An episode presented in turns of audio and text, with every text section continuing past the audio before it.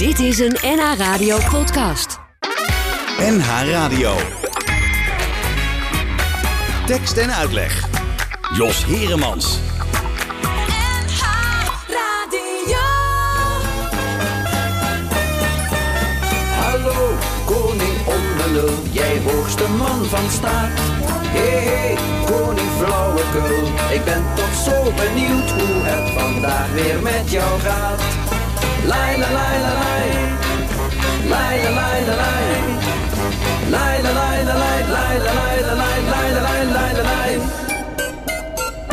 Ik zie jou bijna elke dag waar ik mij keer of wend. Bij voorspoed of bij tegenslag, ik weet dat jij er bent. In de huizen van de mensen, langs de weg en op de straat.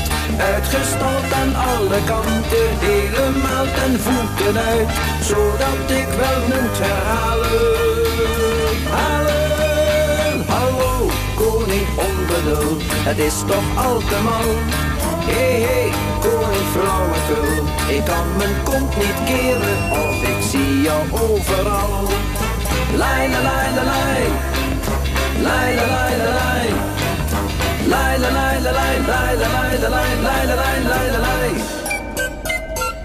Jij brokstuk personality, succes bij night and day. Te horen op de radio, te zien op de tv. Zondags in de weekendkerken zing jij de gemeente voor. Religieuze wiezeliedjes in de hemel is geen bier. Maar wie weet wel wat te roken. Roken, hallo, koning onbenul. Zeg op hoe jij dat doet. Hé, hey, hey, koning flauwekul. Om ons te laten blazen in jouw plastic bus met roet. Lai, la, lai, la, lai. Lai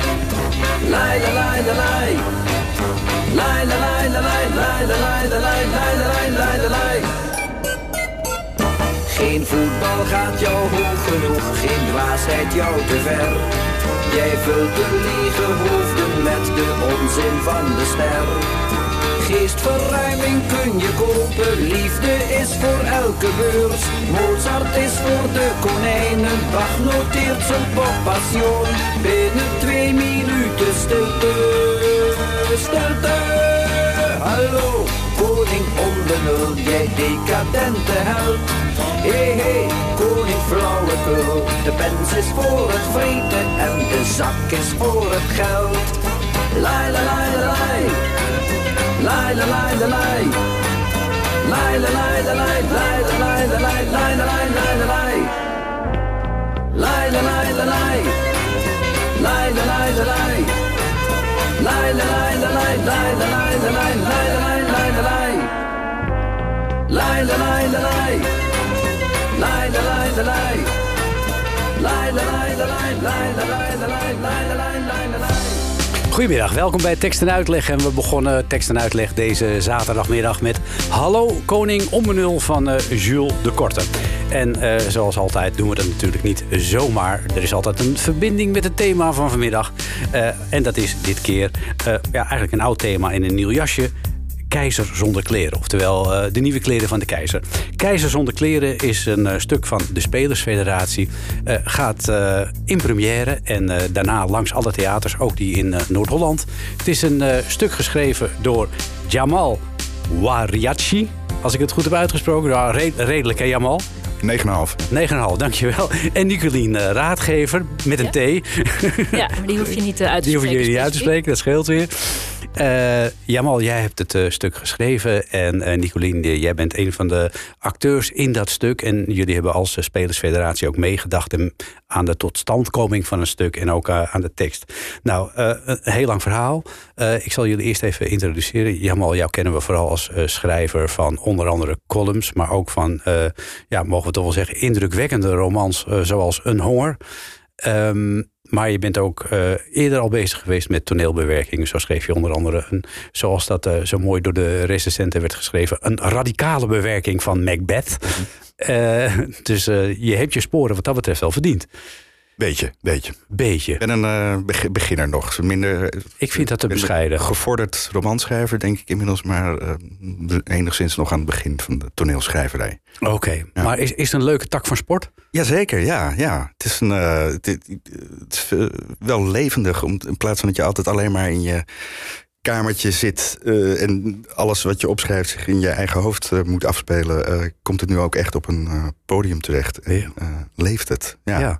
En hoe is dat eh, met jou, eh, Nicolien? Want eh, ja, jullie van de Spelersfederatie hebben eh, waarschijnlijk, denk ik dan, contact gezocht met de schrijver.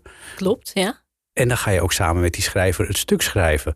Dat is een vrij unieke vorm van samenwerking, denk ik. Ja, wij doen dat op zich graag. En. We hebben ook al eerder met eh, Jamel gewerkt. Toen eh, Hm. hebben we zeven eh, auteurs uitgenodigd om een één acteur voor ons te schrijven. Dat Mhm. was gebundeld in de voorstelling stuk voor stuk. En dat, dat klikte heel erg met Jamel. En, Hm. ook met de anderen hoor. Maar in ieder geval voor, met Jamel, ook om, vanwege zijn ervaring al eerder met Macbeth, dachten we, nou, dat kan wel eens iets worden voor, Mhm. voor de Spelersfederatie. Eh, en zodoende. We wilden eigenlijk een eerbetoon aan Molière doen. Want het is het zoveel, volgens mij 750ste geboortesterfjaar. Nu, ik weet het niet Nou, precies. nou ja, ik weet het precies. Jij weet het wel precies. Ja, dat, dat, dat is ge- niet geheel toevallig. Want Molière staat nogal in de belangstelling de laatste tijd. Ja. Eh, vorig jaar was het collectief Blauwdruk eh, die druk bezig was met Molière. Maar het is dus... Vorig jaar was het eh 400 jaar geleden dat Molière geboren werd in 2022. En as we speak, gisteren is hij precies 350 jaar geleden overleden. ah, eh, dat is het. Ja, op eh, 17 februari. eh, tijdens eh, eh, zijn laatste voorstelling, een ingebeelde zieke, de ingebeelde ziekte, is hij dus zelf gestorven.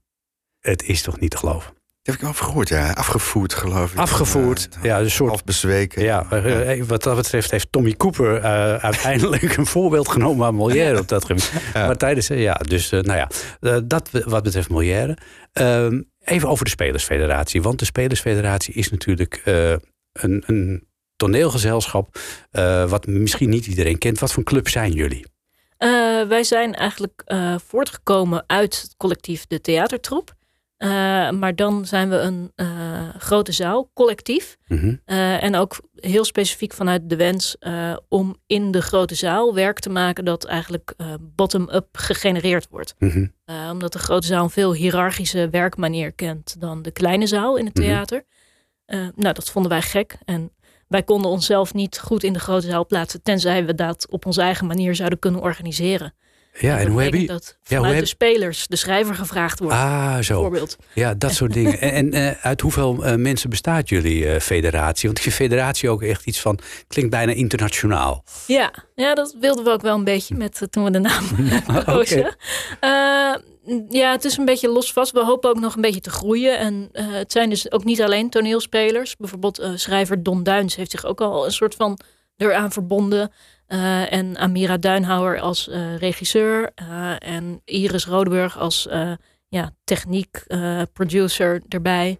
En zo groeit dat team zo langzaam van mensen met wie we graag samenwerken. Ja, en met, en met hoeveel acteurs zijn jullie? Nu in dit stuk zijn we met, moet ik het goed zeggen, met zes. Oh, met zes. Ja, Volgens mij, ja. ja. Ja, goed, goed geteld. Ja, er zit een soort. eh, dit is in de loop van het proces is de een en ander veranderd. De Ja. Wat zwanger. zwanger Eén is zwanger. Oh, is zo, ziek, ja. eh, ja. Ja, ja, dat kan natuurlijk. Dat kan ik, maar is dat zo dat eh, al- als je zegt federatie, daar sluit je je bij aan? Hebben jullie dan ook vaste leden? Of kun je komen voor één productie eh, je aansluiten en daarna weer eh, iets anders gaan doen? Nou ja, bijvoorbeeld vorig jaar speelde Dick van der Toorn mee. En dat, eh, nou, dit jaar eh, had hij dan al iets anders op de planning. Maar dat smaakte naar meer. Dus Hm. we kunnen ons voorstellen dat hij volgend jaar weer wel meedoet. En, Ja. eh, en net zoals eh, de samenwerking met Jonathan Taal, die sm- smaakt ook naar meer. Dus die gaat volgend jaar ook meedoen. Ah, Oké, en is er ook een soort basisopstelling? Ehm, ik denk dat de theatertroppers een soort vaste basis zijn nu Mhm. nog. Maar ja, we hopen dat dat steeds een beetje groeit. Ja, ja. En hoe ben jij, eh, Jamal, bij de, bij de eh, ja, theatertroep eh, slash spelersfederatie aanbeland? Ik heb een keertje een, een lezing gegeven een paar jaar geleden in de Bali over Nabokov.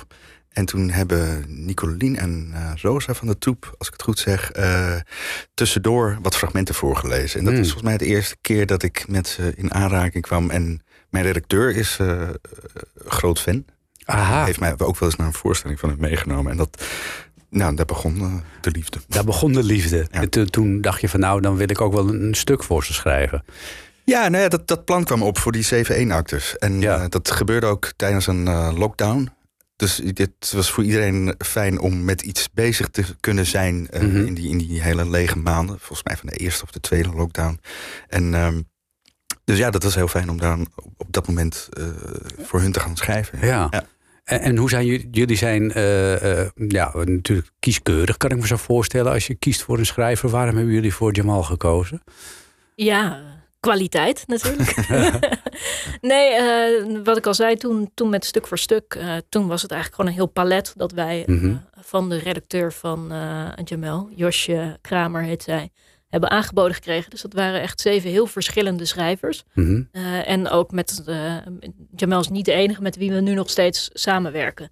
En er komt misschien ook nog een vervolg op stuk voor stuk. Oké. Uh, maar in ieder geval, ja, dit, dit leek gewoon wel te passen ook. Want we wilden dus ja, iets met Molière. Het was echt nog een heel vaag pril idee. En het stuk speelt zich ook in een soort van pruikentijd af. Ja. En met hoe Molière het ook vaak heeft. Uh, een hofsituatie, Mhm. een volkse situatie. En dat met elkaar doorsneden. Uh, en ja, vooral een beetje het omhoog schoppen, zeg maar. Ja, precies. Hof komt er niet uh, Al te Ja. best af, toch? Precies. Nee, nee. Nou, we gaan straks eh, duiken we uitgebreid eh, in de, de inhoud. Ja, in Nederland hadden we geen eh, keizers in het verleden. Ja, heel lang geleden. Napoleon is nog een tijdje de baas geweest. Maar dat was van korte duur. Maar wel eh, veel koningen. En eh, ja, Jaap Fischer, oftewel Joop Visser, die schreef daar het volgende over.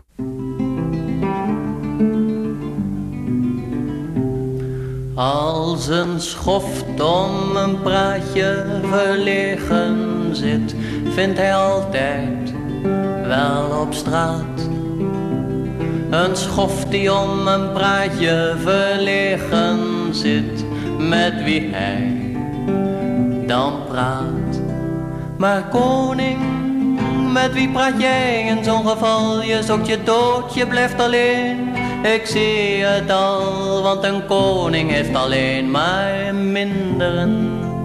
En zijn kinderen en zijn vrouw. Zelfs als een hond wil gaan wandelen in de stad, vindt hij altijd wel een ander na een blok of wat. Dan wordt gesnuffeld en oké bevonden en gaan ze samen verder twee honden. Maar koning, met wie ga jij in zo'n geval? Je zoekt je dood, je vindt geen mens. Ik zie het al, want een koning vindt alleen maar minderen. En zijn kinderen en zijn vrouw. Zie de koning, zet zijn kroon af, gaat de stad in naar het goedkoopste café of het duurste hotel. Zie de koning, bestelt een koffie of whisky, kruipt in een kring, kijkt om zich heen. Dan merkt hij het wel dat alle mensen vinden dat hij stoort. Alsof een koning ergens anders hoort. Alsof hij echt slechts hoort bij minderen. En bij zijn kinderen en zijn vrouw. Tekst en uitleg. Tekst en uitleg met Jos Heremans. En vanmiddag eh, te gast in eh, tekst en uitleg eh, schrijver Jamal Warichi Oua. Nou, jongens, mijn Help hem. help. J.O. zeg ik soms ook. Zeggen. J.O. Oh ja, Ja. schrijver Jo, hè? J.O. Oftewel Joel, Joel Wariachi. Ja, dit, is, dit komt toch aardig in de buurt, toch? Ja, je zit, eh, Ja, het gaat wordt, ja, dus, het eind, eind van de aan het eind van de uitzending heb ik het wel Ja, onder de ja. knie. En eh Nicolien, eh, raadgever, zij is eh, actrice bij de Spelersfederatie en theatermakers. En eh, ja, het stuk eh, Keizer zonder kleren, dat is een bewerking van de nieuwe kleren van de keizer, eh, geschreven door eh, Jamal. En eh, ja, eh, opgevoerd dus door de Spelersfederatie.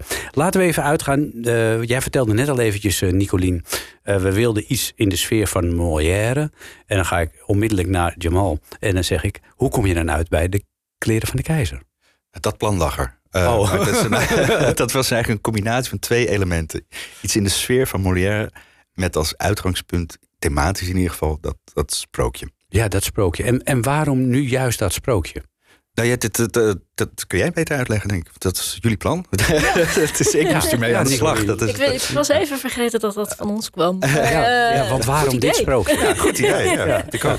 Uh, uh, waarom dat sprookje? Ja, omdat het toch, en dat is ook een element dat Jamel er onmiddellijk enorm heeft uitgetild. Uh, dat het ergens gaat over hypocrisie en niet hardop zeggen of meer kunnen, alles kunnen zeggen wat je mm -hmm. ergens van vindt. Uh, en ja, dat wordt daar natuurlijk in een heel ja, mooi rond verhaaltje. Wordt dat uh, neergezet? Neergezet met, uh, met die kleren als, als metafoor. Mm -hmm. en Jamel heeft daar een heel eigen draai aan gegeven eigenlijk. En daar zijn we heel blij mee. Ja, want had je ook andere sprookjes kunnen kiezen die in deze tijd nog opgeld doen, om het zo maar te zeggen? Mm, ja, sprookje, die, sprookjes zijn altijd in een bepaalde manier, op een bepaalde manier tijdloos. Dus mm -hmm. ja, daar was vast van alles te bedenken. Maar we, we ja. Jullie kozen bewust hiervoor voor, ja. voor dit uitgangspunt. Ja. En dan krijg je zo'n opdracht, uh, Jamal. En dan? Ja, dat, de, wat ik heb geprobeerd te doen is de, de essentie daaruit pikken. Namelijk wat er gebeurt in het sprookje is dat een kind als nog onaangepaste wel durft te zeggen wat er aan de hand is. Namelijk de keizer heeft geen kleren aan. Mm -hmm. En um, dus waar ik nou op zoek ben gegaan is naar een samenleving die dusdanig in elkaar zit dat je iets niet kunt zeggen of bepaalde -hmm. dingen niet kunt zeggen. En dat er één iemand is, het hoeft niet per se een kind te zijn, maar een buitenstaander of iemand, uh, in dit geval een, een zangeres, -hmm. um, die wel dingen durft te gaan benoemen. En dat zet iets in gang waardoor dat hele systeem, zoals het zorgvuldig is opgebouwd, uh, ja, aan het wankelen komt. Ja. En uh, jij hebt gekozen voor de zangeres als degene die dat verkondigt. Ja. in de nieuwe kleren van de keizer uh, komt het er eigenlijk op neer van dat de keizer uh, eigenlijk helemaal geen kleren aan heeft. Uh, en er wordt gezegd dat hij ze wel aan heeft. Hier wordt die suggestie niet eens gewekt, hè? Nee, wat, kijk, wat er aan de hand is, is dat ehm, er is een soort maatschappij ontstaan onder het bewind van die keizer, waarin ehm, ja, de, eigenlijk het eufemisme de dienst uitmaakt. Iedereen praat in eufemisme en in positieve taal. En eigenlijk negatieve dingen kunnen niet meer gezegd worden. Mm -hmm. En dat maakt eigenlijk ook dat als je daar niet over kunt praten, dat je ze ook niet zou mogen voelen of ervaren. Ja. Uh, dus dat uiteindelijk, wat misschien ooit begonnen is als een, een mooi idee van laten we vriendelijker tegen elkaar zijn, mm -hmm. um, is een totale dictatuur geworden. Ja. Um, en dat is eigenlijk de, de goedheid. Je zou kunnen zeggen dat die, die zogenaamde positiviteit van de keizer. Uh, is niet zo positief. Dat zijn eigenlijk, uh, die kleren draagt hij eigenlijk niet. Nee, de, de, de, oplossing, Nicolien, die waar de keizer iedere keer mee komt, is van: weet je wat, als er problemen zijn, we bouwen er gewoon een pretpark bij. Ja. Beetje de Efteling-maatschappij. Ja, ja, het moet vooral blij en gezellig zijn en, en lief, inderdaad. Vooral de hele tijd lief zijn voor elkaar en uh, niets negatiefs uit. En dan komt het vanzelf wel goed. Ja, daar zijn natuurlijk heel veel parallellen ook inderdaad te trekken met de, de huidige maatschappij. Wij worden natuurlijk tot op, uh, tot op het bot in de watten gelegd wat dat betreft. Met aanbiedingen voor inderdaad uh, zwem, tropische zwemparadijzen, pretparken, vermaak, games. de echte wereld bestaat nauwelijks. Ja, klopt. En dat, dat, ja, dat zag je bijvoorbeeld ook in, in coronatijd. Als er dan ja, van die typische straatinterviewtjes op het journaal waren. Dat, Mhm. dat mensen toch vooral verbolgen waren wat hen was afgenomen aan, aan pret- en consumptiemogelijkheden. Ja. ja. En, en zie jij dat zelf ook zo? Dat, dat, er, dat er jouw dingen zijn afgenomen? Uh, nou, ja, ja op, een, op een iets ander niveau qua de culturele sector die natuurlijk plat lag. Maar Ja. uh, nee, ja. Nee, ik denk dat ik dat niet op die manier uh, Nee. zie. Jij hebt dat wel uh, verder uitgewerkt, uh, Jamal. En dan, ja, dan, dan kom je toch eigenlijk tot een soort rare constructie van dat, uh, ja, dat zo'n keizer, die raakt steeds geïsoleerder. Mm-hmm. Hoe, hoe, zou de, hoe, hoe komt zo'n systeem uh, ja, tot stand uiteindelijk? Dat is wel het, het mechanisme dat ook uit het, in dat sprookje zit. Uh, iedereen kijkt elkaar aan en niemand mm-hmm. durft te zeggen. Iedereen is bang eigenlijk voor het systeem, voor de keizer, voor de mensen onder de keizer. En zo ontstaat een soort hiërarchie van iedereen die elkaar ja, echt maar onder de duim houdt. Mhm. En dan durft niemand te praten. Nee. Ehm, en dat is hier ook heel duidelijk aan de gang. Dus iedereen gaat gezellig mee in dat hele eh eufemistische en, en positieve taalgebruik. Totdat het eigenlijk niet langer meer gaat. Het is, het- Mhm. Zeker omdat mensen dus ook niet over negatieve g- emoties of gedachten of opvattingen kunnen, kunnen spreken, is dat natuurlijk een tijdbom die Ja. is. En die moet op een zeker moment tot uitbarsting komen. Ja, is dat eh, eh, één op één te vergelijken met eh, wat er op dit moment speelt in, in onze maatschappij? Vragen jullie allebei dan. Nou, één op één zou ik niet willen zeggen. Ik denk dat het. Dit is een extreme eh, eh, variant van iets waar bijna iedereen, zowel aan linker als rechterkant, Mhm. over klaagt. Van dat je tegenwoordig niks meer mag zeggen. Ja, Ehm, en dat is niet zo, want de mensen die dat beweren, die zeggen dat hardop. En dat kan nog. over het algemeen. Dus dat kan wel Ja, bij ja, ons. Eh, dus zo extreem is het niet. Nee, het is meer een soort. Als je die gedachte tot in het extreme doorvoert, wat gebeurt er dan? En ehm, zonder al te veel te vertellen over hoe het stuk verder afloopt, eh, wordt er ook wel verkend wat het alternatief is. Als je wel echt helemaal alles moet kunnen zeggen. Ja, maar van de andere kant kun je ook zeggen... jij zegt van je zou het niet één op één zo kunnen zeggen. Maar ehm, tenminste, wat je om je heen ziet in, in de maatschappij op dit moment... tenminste, zo ervaar ik dat... is eh, je, je voelt eigenlijk ergens... ja, tenminste, ik weet niet of jullie dit ook herkennen... je voelt de onvrede groeien en je weet eigenlijk niet wat uitkomt. En zo'n gevoel zit er ook in jullie stuk. Ja, dat, eh, dat denk ik. Dat is goed als we dat hebben weten over te brengen. Al eh, Ja, bij de try-out die, die jij Je hebt moet ergens gezien. beginnen. Ja, nee, dat is, eh, dan zijn we op de goede weg in ieder geval. Ja. Ja, nee, er is zeker die, die on, je, je voelt die eh, onvrede inderdaad groeien. En eigenlijk zit je ook, het, het stuk vangt aan op een punt dat het ook al op, bijna op een kookpunt is. Mhm. Dus de, de revolutie is nabij. Ja. Dus in de, in de tijdspannen van hoe het in dit keizerrijk gaat.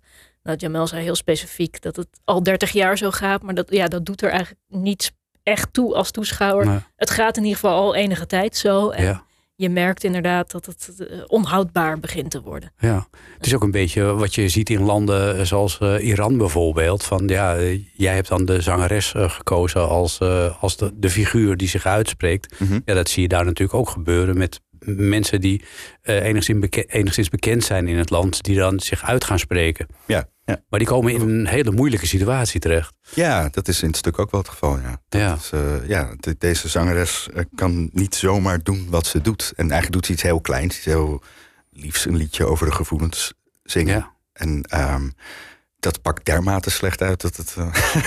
ja, maar aan de andere kant, voor haar. Voor, eh, voor de maatschappij zelf pakt het in zekere zin wel goed uit. Want met dat liedje zet ze wel iets in gang. wat, wat al heel lang broeit onder de bevolking. Dat, dat, daar geeft zij woorden aan. Ja, een echte, ja, ze, ze- wordt eigenlijk van, eh, ja, moet je dat zeggen, van idool tot protestzanger zou je kunnen zeggen. Ja, absoluut. Ja. Hebben we die nog, protestzangers, Nicolien? Tegenwoordig? Hier in Nederland? Mensen die echt durven zeggen waar in Nederland zeker niet. Nee, ja, inderdaad. eh, In eh, Iran is een recent voorbeeld. Dat is Ja. een mooie vergelijking. Daar hebben we het ook veel over gehad terwijl we Hm. het aan het maken waren. Ja. Want eh, ja, we waren ook aan het kijken hoe we die revolutie moesten eh, vormgeven. En eh, omdat het natuurlijk in de pruikentijd is, Ja. hadden we op een gegeven moment iets van... Ja, ze wapperen met die pruiken zoals ze in Iran met de, met de hoofddoeken wapperen. Ah, zo ja. Ja, maar dat is, uiteindelijk is dat beeld er niet ingekomen. Maar het was wel onderwerp van gesprek. Ja, ja, dat kan ik me voorstellen. Ja. Goed, het valt allemaal niet mee. eh, ook niet als je koning of keizer bent. Daarover zingt dan weer Pieter Derks. Huilend kwam het jochie thuis, zijn moeder vroeg hem wat er was. Had een meester hem geslagen of een jongen uit zijn klas? Hij zei we speelden politiekje en het hele plein stond vol. En iedereen mocht kiezen voor zijn favoriete rol. Dus Sam die speelde Geert en riep een schande tegen Bas. Die stoïcijns bleef lachen omdat hij Mark Rutte was. Mees zong het Wilhelmus, hij mocht Sibrand Buma zijn. En Casper was Baudet, die sloeg de meisjes van het plein. Frank was die minister met die rare schoenen aan. Fien was Pia Dijkstra met een tweedehands orgaan. Emma was Marianne Thieme, huilde om een dode pad. En toen riep Johan als Henk Krol tegen dat beest proficiat. Yusuf die was Wiebes, riep er komt geen gas meer bij. En toen had iedereen gekozen en toen was de beurt aan mij. Ik bleef weer als laatste over, ik stond weer compleet verschut. Ik was dus alweer de koning. En de koning zijn is kut.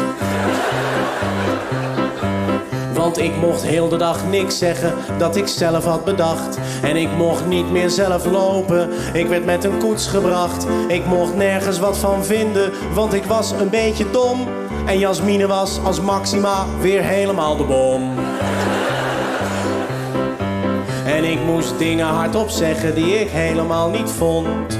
En ze keken niet naar mij, alleen naar Jasmine de kont. En toen ben ik van de wanhoop zo de vijver ingerend. En toen riepen ze, dat is wel heel slecht watermanagement. Het jochie zei, ach mama, meld me morgen lekker ziek. Maar zijn moeder zei wel nee, jij doet morgen lekker mee. En dan roep je, ik verklaar dit stomme land tot republiek.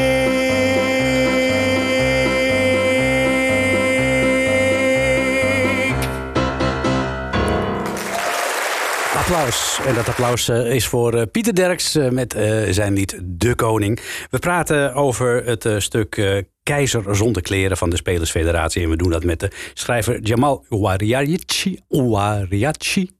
Gewoon, overheen lullen. Gewoon overheen. En eh Nicolien, raadgever van de Spelersfederatie. Ehm, ja, dit, dit beeld van een koning die niks te zeggen heeft... eh, dat komt ook in het eh, stuk wat jullie spelen heel duidelijk naar voren. Want die keizer, ja, dat is eigenlijk een soort... ja, hoe moet je dat zeggen? Papieren tijger. Ja, hij wordt een beetje ingefluisterd door een iets wat spirituele figuur genaamd professor Sadiki, die de, het eigenlijke brein is achter deze hele maatschappij van eufemisme. Ja. Ehm, en ehm, ja, hoe dat dan precies zit, dat is iets wat. Ja, daar kun je over, eh, over nadenken, volgens mij. Want wat is eigenlijk met die koning aan de, of die keizer aan de hand dat hij zich ehm, in zo'n situatie laat kletsen? Ja, want eh, hij neemt eh, over het algemeen weinig initiatief. Zijn vrouw nog minder. Nicolien. Ja. Komt wel een beetje, ja. Ja, dat klopt wel een beetje, toch? Ja. Jij zelf speelt in een stuk drie rollen. Klopt. Welke zijn dat? De keizerin. Precies. Dus dat dat is die verveelde vrouw die naast de keizer zit. Ja, en dan de volgende rol is een eh, ja, ambtenaar slash docent. Die Mhm. het beleid van dit rijk moet uitvoeren. Eh, en dan met name bij het verwelkomen van een groep eh, vluchtelingen uit een buurland. Eh, en daarnaast speel ik nog een, ja, een vrouw. Vrouw, vrouw 2. Vrouw twee. Vrouw Ik heb wel Oké. die genoemd. Een vrouw uit het volk. Eh, vrouw Ja. uit het volk, ja. Ja, want dat is eventjes wel belangrijk. Er zijn twee landen eh, die eh, ja, parallel aan, naast elkaar liggen. Laten we even voor eh, het gemak eh, Nederland en België eh, zo bedenken. Hoe heet het in jullie stuk? Dagonië en Unaurië. Oké. En eh Unaurië is het rijke land. Ehm, nee, Unaurië is het Oh, buurland. oh ja, het buurland. Neem me niet kwalijk. Ja, ik draai het net om. We weten niet hoe rijk ze zijn, maar er is in ieder geval een behoorlijke crisis daar. Ja, Er is daar namelijk een groep etnische Dagoniërs. die staan voor de deur. Nee, die, die, die leefden daar, maar die gaan nu terug naar Dagonië. Ja, Waar, waar dus de keizer...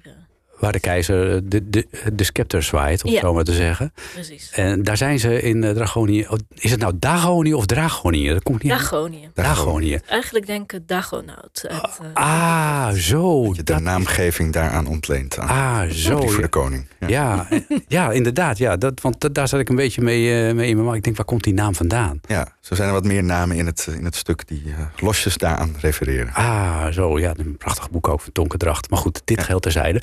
Ehm, dan, dan staan die mensen voor de poort. Dat is ook heel vergelijkbaar met de huidige situatie. Ja, aan de kant, ja het, is, het is een. Ik denk met heel veel verschillende situaties. Het is natuurlijk altijd wel ergens op de wereld iets zo verschrikkelijks aan de hand dat mensen beginnen te vluchten. Mhm, Ehm, ik heb niet eh, bij het schrijven niet één specifieke situatie eh, op het oog gehad. mhm. Ehm, maar meer het, het, het mechanisme zelf. Wat gebeurt er als zo'n groep eh, binnenkomt vallen. En hoe daar dan gereageerd op wordt door een, eh, door een keizerrijk waar het aan de oppervlakte weliswaar heel goed gaat. Maar Ja. eh, onder het oppervlak bepaald niet. Ja, dat is natuurlijk ook eh, hoe wij op dat soort dingen reageren, denk ik. Over het algemeen, tenminste hier in Nederland. Nederland wordt- is een heel gaaf land. Ja, een heel Ja. gaaf land. Ja, waar we al van tevoren protesteren voordat er überhaupt één, eh, één persoon over de grens is, toch? Nou, zeker, ja. Ja. Ja, daar, daar zit men niet bepaald op te wachten, op, uh, op een groep nieuwkomers. Uh. Nee. En, en ook daarin merk je dat er ook uh, ja, dat taal heel belangrijk is. Hoe je, dus dat, dat wordt ofwel zwaar overdreven, mm -hmm. dan is het een, een, stroom die ons komt overspoelen. of inderdaad, er wordt gesproken over, over nieuwkomers. En, mm -hmm. en ja, dat, dat, dat eufemisme heeft Jamel ook in Dagonië gebruikt. Ja, hoe, hoe, hoe, zouden jullie dat zelf willen omschrijven in plaats van nieuwkomers? Ja, ik denk dat in dit specifieke geval van het stuk zijn het gewoon vluchtelingen. Dat ja. vluchten voor iets heel ergs wat daar gaande is in dat andere land, Unaurië. Ja, en dan vlucht je naar een land uh, waar niemand op je zit te wachten eigenlijk. En wat eigenlijk ook uh, ja, uh, heel instabiel is op dat moment. En steeds instabieler wordt. Ja, maar dat, dat, dat, dat besef kan niemand uitspreken. Dus dat is ook eigenlijk niet helemaal bekend. Je Hmm. voelt wel dat er iets sluimert, maar aan de oppervlakte gaat het fantastisch. Ja. En, en ja, uiteindelijk wordt dat natuurlijk, kan dat niet anders dan op een teleurstelling uitlopen voor beide partijen, lijkt me. Ja, ik denk dat dat wel een. een um, als je in algemene termen zou zeggen dat zodra je taaluitingen gaat verbieden, dat er dan hele nare dingen kunnen gaan ontstaan in de maatschappij. En je weet nooit precies welke kant het dan opgaat. Mm -hmm. Maar het is gevaarlijk om te zeggen: dit mag je niet zeggen. Kun je dat niet beter zo zeggen? Mm -hmm. Dit is positiever. Laten we het uh, allemaal leuk houden. Dat, uiteindelijk onderdruk je daar bepaalde zaken mee Ja. die je beter niet kunt onderdrukken. Want het komt uiteindelijk altijd wel tot uitbarsting. Ja, hebben, hebben jullie als acteurs, uh, Nicolien, het idee dat je in Nederland op dit moment, in dit uh, tijdsgevricht, uh, beter op je woorden moet letten dan pak een beetje tien jaar geleden? Ja, absoluut. Dat is, dat is gaande. En in sommige gevallen is dat ook terecht. Uh, is er te lang over gevoelens van groepen heen gestapt. In welke gevallen bijvoorbeeld? Uh, ik denk in uh, gevallen van uh, minderheden met een andere huidskleur of transgenders. nou ja, waar, die spraken zich niet uit, waardoor niet bekend was hoe gekwetst die Mhm. zich eigenlijk soms voelden Ja. door bepaalde dingen. En dat, daar is nu meer bewustzijn over. En dat, dat is ook Hm. goed. Heeft En de andere he- kant ja. is dat je soms ook denkt van ja, maar sommige producties slaan ook helemaal Hmm. door. Die, die laten dan, als er bijvoorbeeld een, een transgender rol is, dat alleen door een transgender acteur spelen. Terwijl Mhm. voor mij de kern van spelen is dat je je inleeft in een ander. En kan juist heel verbindend werken. Dus eh, het liefst blend je al die rollen. Bij ons is ook man-vrouw rollen worden ook door elkaar heen gepast. Dus- Ja, er was laatst nog een hoop te doen om eh, Wachten op Godot, waarbij eh, alle rollen door eh, vrouwen werden gespeeld in plaats eh, van door mannen, zoals eh, de schrijver het uiteindelijk bedoeld Ja. had. Dat is toch een beetje gek dat dat toch in deze tijd dat daar nog ophef over ontstaat. Ja, Ja, de ophef was dat ze juist wel door mannen willen laten spelen. Zoals Beckett verordoneerd heeft. Ja. Maar dat was niet volgens het theater waar dat dan zou Ja. plaatsvinden. Niet volgens de diversiteitsregels van dat. Ah, zo. Ja. Ja. Ehm, ja. Eh, dat, dat kan. Ja, god, het is een. eh, ik, vind, ik vind dat dus een van de lastige kanten ervan. Want stel dat jij hebt een stuk geschreven, Ja. En in dat stuk eh, zeg je, het stuk gaat over drie vrouwen die op wereldreis gaan en daar allerlei avonturen mee meemaken. En de regisseur zegt van, hartstikke leuk bedacht, Jamal, dat, dat het over drie vrouwen gaat. Maar ik zet daar gewoon drie mannen neer. Ja. Wat, Nou ja, wat, kijk- wat doe je dan als schrijver? Ga je dan aan de bel trekken? Of zeg je van, nou, dat is de vrijheid van de regisseur? Ja, het is wel grappig dat je het voorbeeld doet. Want het is, ik, ik denk in het algemeen dat je daarover kunt eh, praten met elkaar. Dat als je dat samen aan het maken bent, dat je erover na kunt denken. Dat het niet per se iets, eh, iets waar je heel strikt aan vast zou moeten houden als, als schrijver. Ik weet dat in dit stuk bijvoorbeeld is het even te sprake gekomen of eh, de rol van de zangeres door een mannelijke acteur gespeeld zou moeten worden. Ah, zo. Waar ik niks tegen heb aan zich. Ik was alleen bang dat het dan te kluchtig zou worden. Hmm. Ehm, dus dat was, nou ja, dat is het soort gesprek dat je dan voelt. Ja. En Eh, waarom geen keizerin? ja, Daar dat hebben we ook over ook over gehad. Ja. Ja, we, hebben Ja. twee- we hebben ook bewust, want dat wisten we nog helemaal niet wie wat ging spelen. Dus we hebben twee Ja. affiches laten drukken. Eén Ja. met een, eh, een naakte keizer en één met een naakte keizerin die achterom kijkt. Ja, ja. Maar ik denk, ja, en, eh, op de een of andere manier denk je dan toch, als je zou zeggen de keizerin zonder kleren, dat mensen daar weer anders op reageren. Of is dat iets wat, wat ik dan eh, alleen denk? Ja, ik denk dat we dan wel de keizer zonder kleren nog steeds hadden genoemd. Hoor. Dat, Oh, oké, dat wel. eh, Ja, en dan maakt het Duits keizerin hadden gemaakt. Ja, want er zijn natuurlijk eh, mensen die ook, die nemen sowieso overal aanstoot aan, maar die vallen misschien veel meer over een, een naakte keizerin dan over een naakte keizer. Ja, dat, ja, het gaat er in alle gevallen om dat de acteur of actrice op, uh, op zijn of haar gemak is. Om Ja. uh, bloot voor een publiek te staan. Ja, ja En, nou, eh, dan valt het allemaal wel mee hoe mensen niet denken van... eh, het is, Er eh, is geen volledig naakt. Nee, dat valt allemaal. Dus je kunt er gerustig, rustig met je kinderen naartoe. Er is niks aan de hand verder. dus ja, het, is, zou het geweld per se kan misschien- aanbevelen Ja. voor, voor kinderen. nee, het is natuurlijk een sprookje voor volwassenen. Ja. Dat, dat dan weer wel. Maar goed, nee. Niet, dat, daar wordt trouwens zo vreselijk moeilijk over gedaan. Altijd over naaktheid. sowieso in deze maatschappij, denk ik. Maar goed, eh, dit geheel terzijde. Eh, ja, eh, we gaan even luisteren naar muziek. Want dat moeten we ook af en toe doen. Er is een prachtig mooi album uitgekomen van eh, Treintje Oosterhuis en Xander Vrienden. Met liedjes van Henny Vrienden. En een van de mooiste liedjes eh, op dat album vind ik In jouw armen. Toch nog een beetje warm gevoel in dit, in dit uur.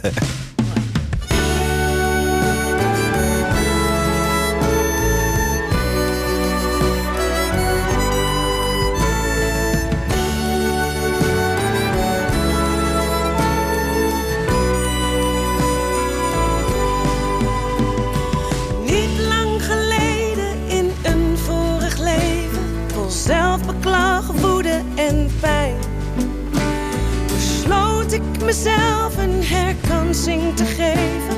Pas nu weet ik waar ik wil zijn, in jouw armen,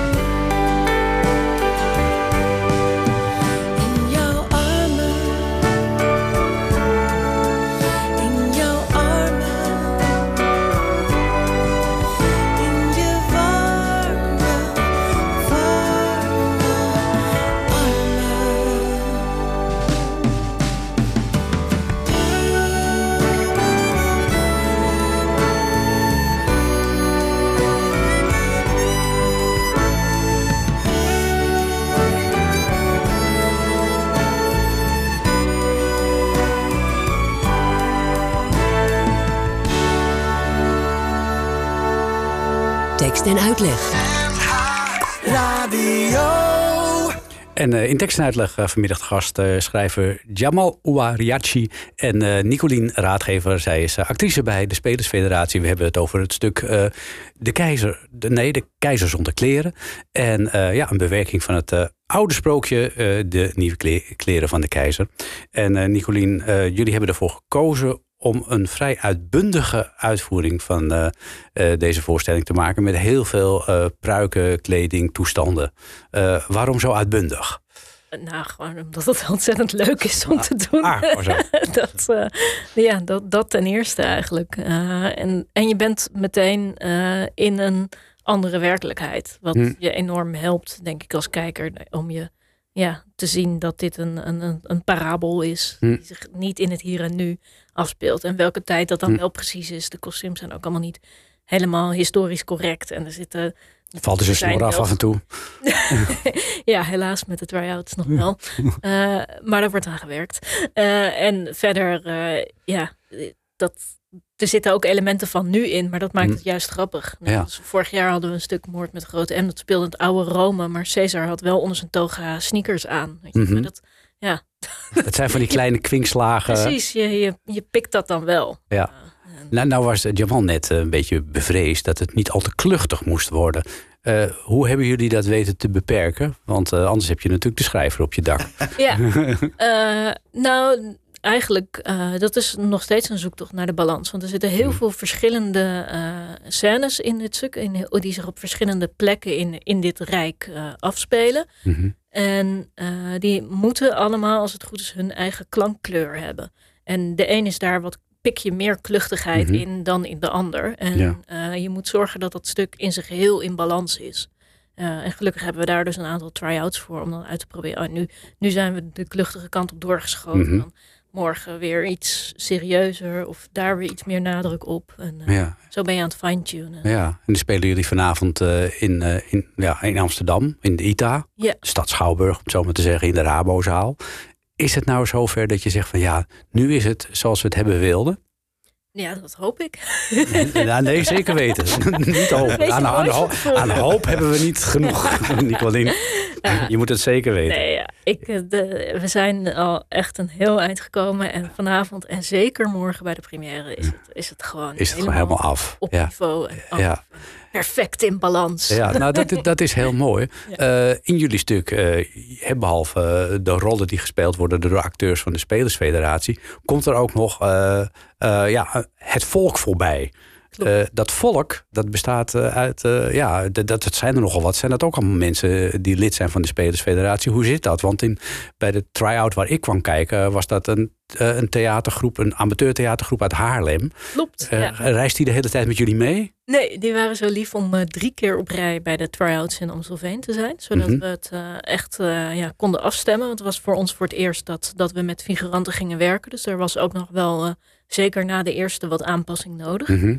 Eh, en dus dat hebben we met die groep, stabiele factor, in die drie dagen een beetje kunnen ontwikkelen. Ja. En nu hoeven we eigenlijk, het enige wat we moeten doen is per stad een nieuwe groep inwerken. En hoe doe je dat? Want hoe kom je aan die mensen? Want ze moeten ook allemaal maar kunnen Ja, natuurlijk. dat is eh, door onze fantastische educatiemedewerker Marijn van Beuzenkom. Die heeft eh, dat allemaal eh, geregeld. Die heeft in alle steden amateurgezelschappen benaderd. En soms is het echt één vaste kliek die Mhm. vaker samenkomt. Ja, En soms zijn het ook losse amateurtoneelspelers van verschillende gezelschappen. die zich hebben aangemeld. En die, die krijgen dan in de week voor de voorstelling een workshop.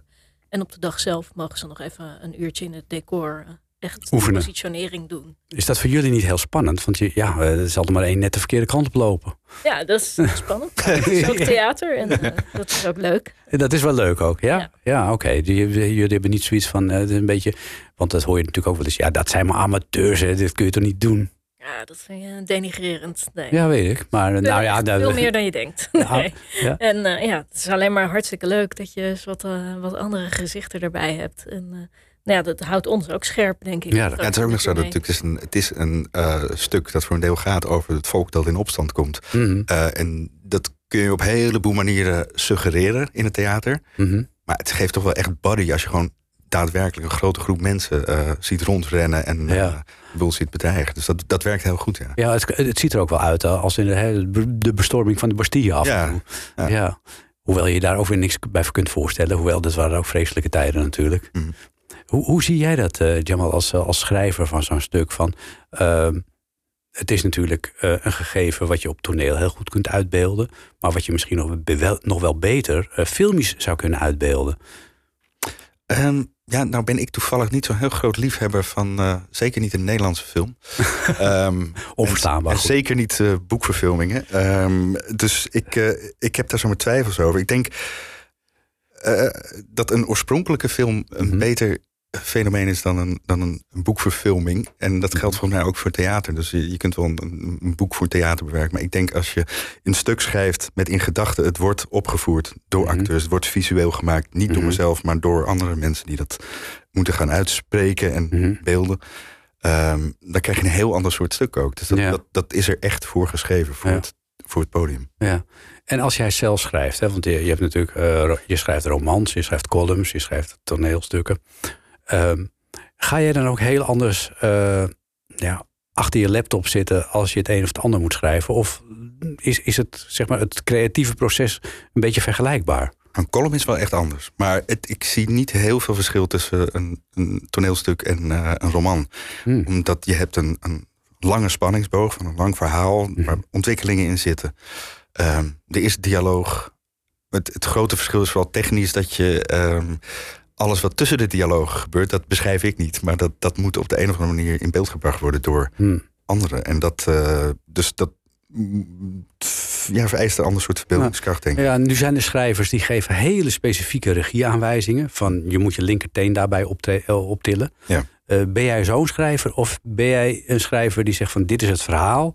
En de regisseur die moet verder de hele ansenering regelen. Ik geloof dat ik me heel erg inhoud. Maar dan moet ik me even Hoe is dat eh, niet? tot een acteur richten Ja. hier. Eh, ja, dat is wel, maar je hebt over bepaalde punten wel dan weer echt een sterke mening. Ja. Maar het is niet dat de, de gedrukte regieaanwijzingen, eh als we daar lak aan hebben, dan Hm. Nee. heb ik je dan nog weer niet over gehoord. Nee, zeker niet. Nee, En ben jij dan ook van- vanaf het begin af aan Jamal, betrokken bij het repetitieproces? Zit je daar dan bij of bij de eerste lezing? Tot hoever eh, eh, hang jij eraan vast, als het ware? In dit geval tot de laatste lezing. Oh, Dus dan, en dan daarna wordt het echt eh, spel. Mhm. En dan, en daar vond ik ook dat dat dan iets is van Mhm. de ac- acteurs en de regisseur om dat eh, uit te dokteren. Ja. En, ehm, maar tot die tijd, ja, natuurlijk. Want eh, het is ook een, een samenwerking. Ik heb het niet in mijn eentje geschreven. Mhm. We hebben het, eh, ik heb een soort eerste opzet op een zeker moment aangediend. eh, Vroeg in het proces.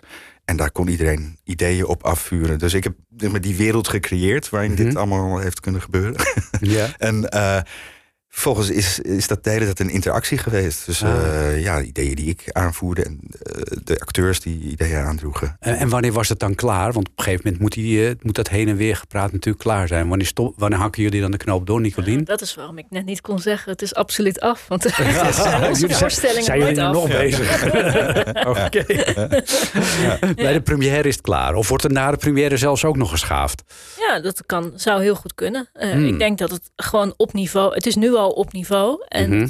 de, de fine-tuning, dat kan de hele tournee doorgaan. Ah, Om oké. toch tij- tijdens het spelen nog weer achter van, ah, Dus als ik over vier weken kom kijken, kan het er eventueel enigszins aangepast weer uitzien. Ja. Ja. denk ik wel. Ja, dat, dan hou je het en leuk en ook, eh, Ja. ja. je wil niet in een soort opvoeren van iets wat al helemaal af is en bestaat. Ja, Nee.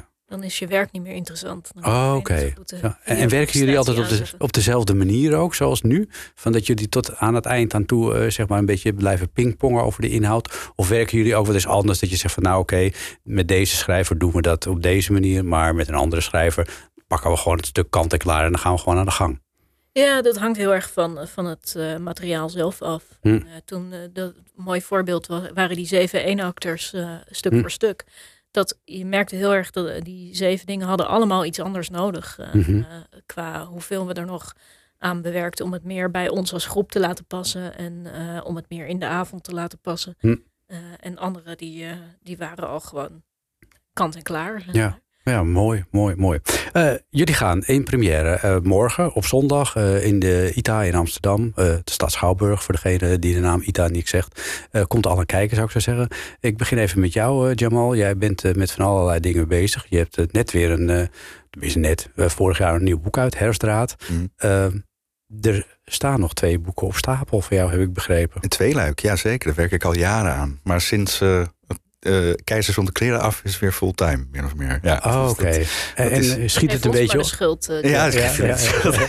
Ja, er zijn, de Herfststraat krijgt ook de schuld. Die krijgt heel veel de schuld. En vooral ik zelf eigenlijk. Maar het, eh, Eh, nee, ja, goed. Het, het schiet heel erg op, maar het is gewoon een heel lang proces. Ja. Om het, om, het zijn twee verschillende boeken, dus dat, dat Oh, eh, twee- samen, totaal, eh, samen een, een, toch een eenheid vormen. Dus het Ah. is nogal een ingewikkeld project. Ja. Ja. En tussendoor ga je ook weer eh, werken aan andere toneelbewerkingen of laat je dat nu even rusten? Nou, wie weet. Ja, ik, ik ben altijd, vind het altijd wel een spannend, spannend traject om te doorlopen. Ja. Ah, Oké, maar jij, jij vindt het ook niet erg om meerdere dingen tegelijk te doen? Nee, ja, ik schrijf sowieso ook een, een eh, wekelijkse column voor Trouw. En ook nog wel eens andere stukken voor de krant. Dus die afwisseling is ook wel, eh, ja, die heeft ook wel iets. Oké, jij kunt goed eh, multitasken wat dat betreft. Nou, niet op één dag, maar als ik het een beetje afwissel, een weekje dit, een weekje dat, dan gaat het heel aardig, ja. Ah, Oké. Ja. Nou, heel veel succes en we kunnen niet wachten tot jouw eh, nieuwe eh, boeken dan. Komen ze dan ook tegelijkertijd uit? Dat bedoel ik, ja. ja. Dus wel de, oh, Ja. nou, reuze spannend. Oké, nou, wacht, dan wachten we dat nog even af. En jij, Nicolien, want ja, jullie hebben nu, gaan nu op tournee met Keizer zonder kleren. Eh, nou is het bij het theatergezelschap altijd zo, die denken heel ver vooruit. Ja, Dus ik kan me niet voorstellen dat er geen idee is voor wat jullie hierna gaan doen. dat klopt. er zijn heel veel ideeën. Eh, we gaan een, eh, een podcast opnemen eh, met Jamel's collega Tom Hofland. Voor de NPO, voor kinderen wordt dat. We gaan op de zomer op de parade spelen. En in het najaar hebben we met de theatertroep de tournee van de voorstelling Wie de fuck is Alice? En die is geschreven door Kirian Esser. Dat is ook een van de leden van de theatertroep en Spelersfederatie. Dus de keizer. Eh, ja, hij speelt de keizer. En sinds deze week is hij ook een collega van Jamel, want zijn eerste boek is net eh, uitgekomen. Nou, genoeg eh, plannen voor de toekomst in ieder geval. Maar eh, eerst maar eens eh, morgen die première eh, in de ITA in Amsterdam van eh, de Spelersfederatie. Met het stuk Keizer zonder kleren. Hartelijk dank dat jullie er waren. Ik vond het heel gezellig. En Ja. eh, we sluiten af met eh, Alles is makkelijk van eh, Peter van Rooyen. Ja, was het allemaal zo makkelijk.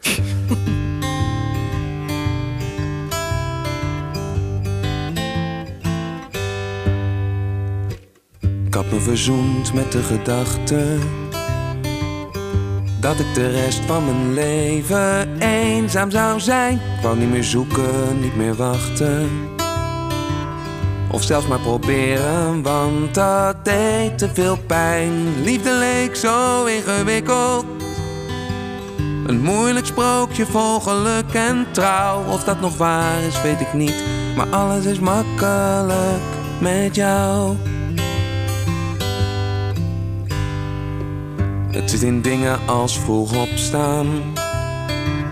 Of schouders ophalen als jij weer iets verknalt. Zonder schaamte door het stof gaan. Of in een gemakkelijke stilte die valt. Het zit in ruzie en in oorlog. In het gescheld, gekanker en gesnauw. Je kijkt me aan en het is weg. Alles is makkelijk met jou.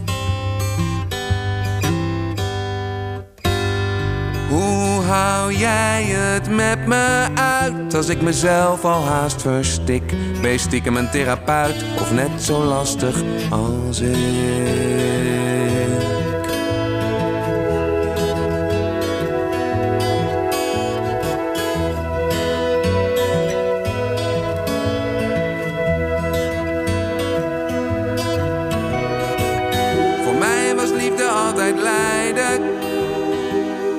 Bange strijd vol twijfel en berouw. Dus ik weet niet wat hier gebeurt, want alles is makkelijk met jou. Het is een kille lentemorgen. Je bent al vertrokken en ik weet niet waarheen. Maar ik voel totaal geen zorgen. Ik ben niet eens bang om bang te zijn of alleen. Ik weet niet of dit wel gezond is. Ik kan niet zeggen of ik van je hou. Ik weet niet eens wat liefde is, maar alles is makkelijk met jou.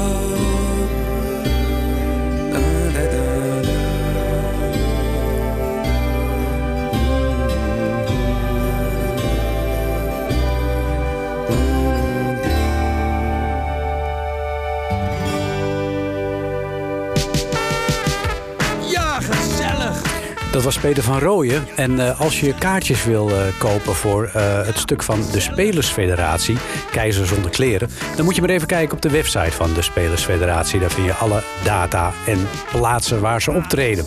Straks na zessen gaan we gezellig door met nog een uurtje tekst en uitleg met allemaal prachtig mooie liedjes.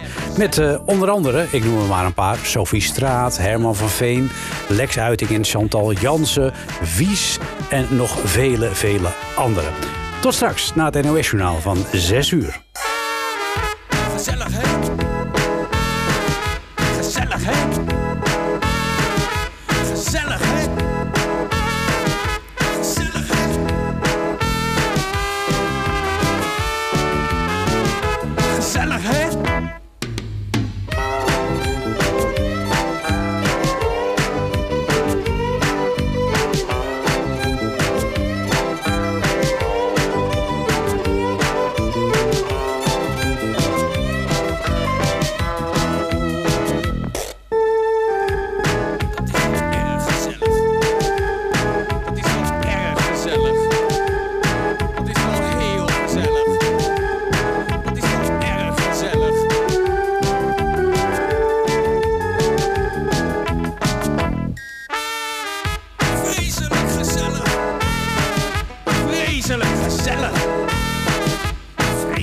Gezellig. Vreselijk gezellig.